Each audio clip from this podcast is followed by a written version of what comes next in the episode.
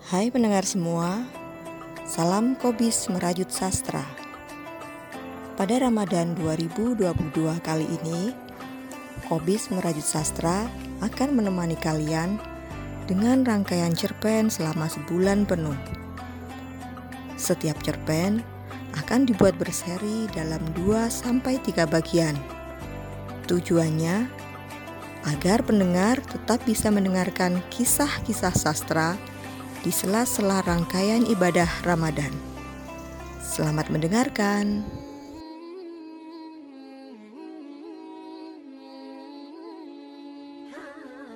Sebelumnya, pada bagian 2 diceritakan bahwa Bu Ayu memulai pekerjaannya dengan koordinasi bersama kepala desa. Tetapi tidak satupun kepala desa hadir Ketika kepala desa ditelepon, tidak satu pun yang mengangkat. Bu Ayu langsung kunjungan ke desa. Kantor desa sudah bubar. Saat kemarahannya memuncak, seorang laki-laki tua, petugas kebersihan kabupaten yang tinggalnya di daerah itu, mengatakan, "Sabar, Bu." Lantas, siapakah sesungguhnya laki-laki tua bersepeda itu? Kita ikuti cerita selanjutnya.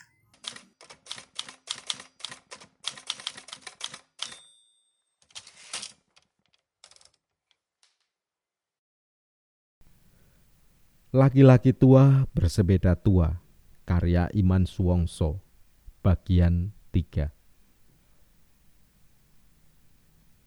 Bu Ayu sedang berpikir keras untuk menata pemerintah desa di kecamatan yang dipimpinnya. Ia menggali informasi sebanyak-banyaknya. Ketika ia membaca tentang desa Kaligaring, kepala seksi pemerintahan membawa koran pagi untuknya. Ia melaporkan isi koran itu tentang penyalahgunaan keuangan desa oleh kepala desa Kaligaring. Koran itu mendapat sumber dari laporan masyarakat.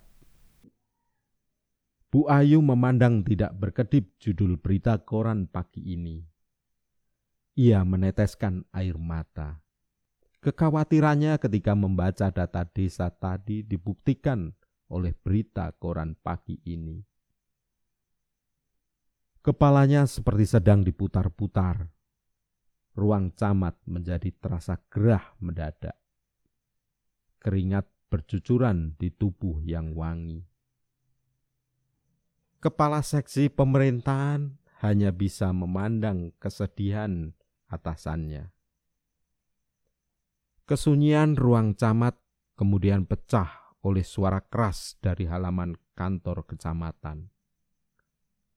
Kepala seksi pemerintahan segera beranjak keluar ruangan. Suara itu merupakan Hardikan, kepala desa Kaligaring.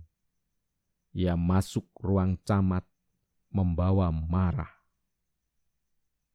Jangan begini caranya memimpin, kata kepala desa Kaligaring. Saya jamin kamu tak akan lama memimpin kecamatan ini. Bu Ayu melonjak, berdiri tegak dari tempat duduknya. Ia memandang tajam kepala desa bawahannya. Kepala desa yang kalap itu menuding-tuding Bu Ayu. Kepala seksi pemerintahan dan kepala Satpol PP mencekal kepala desa dan membawa keluar ruangan. Bu Ayu tak dapat menahan kemarahannya ia menumpahkan air matanya sederas hujan bulan Februari. Di kecamatan ini, Bu Ayu merasa seperti dalam pusaran labirin yang sulit menemukan ujungnya. Waktu berputar sangat melambat dan berat. Isinya hanyalah kedongkolan dan jalan yang kelam.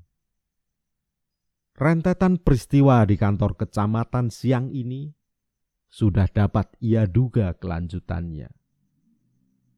Tengah malam, ia mendapat telepon dari kepolisian. Beritanya tidak lain adalah penangkapan kepala desa Kaligaring. Bu Ayu minta agar kepolisian tidak beranjak dulu dari desa. Ia segera berangkat ke desa Kaligaring. Di kantor desa Kaligaring masih banyak polisi. Bu Ayu menemui kepala desa. Ia hanya menunduk dijaga beberapa polisi berpakaian preman. Lantas, Bu Ayu menemui komandan tim kepolisian yang bertugas menangkap kepala desa. Mereka berdua berunding sangat alot. Alhasil, kepala desa dibawa ke kantor polisi menjelang subuh. Pagi itu, beberapa kerabat kepala desa datang ketika Bu Ayu hadir di ruang tamu. Mereka berharap Bu Ayu dapat mengeluarkan kepala desanya. Saat Bu Ayu sedang memikirkan uang pengembalian yang disangkakan kepada kepala desa, laki-laki yang duduk di pojok ruangan yang luput dari perhatian Bu Ayu berdiri dan mengajak Bu Ayu keluar ruangan. Bu Ayu terkesima melihat laki-laki itu. Ia laki-laki pengayuh sepeda tua, petugas kebersihan, pendopo kabupaten. Bapak kerabat kepala desa? Bukan. Warga desa ini? Bukan. Bu Ayu mulutnya hanya menganga. Lantas, tidak perlu dipikir, ini cobaan ibu. Saya mau bantu ibu pakai ini. Laki-laki tua itu menyodorkan barang yang dikemas dalam tas plastik. Sesudah itu, ia pergi begitu saja. Bu Ayu tidak sempat menanyakan isinya ketika laki-laki itu sudah lenyap di tikungan.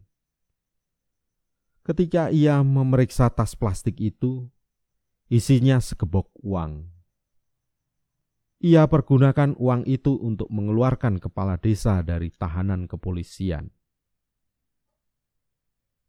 Berita Bu Ayu membebaskan kepala desa tersebar dengan cepat di desa-desa lain. Saat ia melepas hari-hari yang penat di ruang kerjanya, rombongan kepala desa menghadap kepadanya.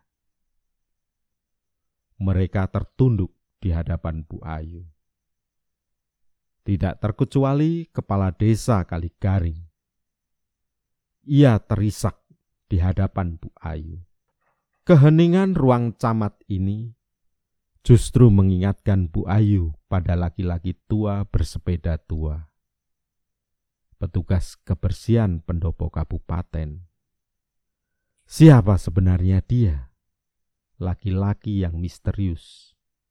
Semisterius kecamatan ini, pikirnya.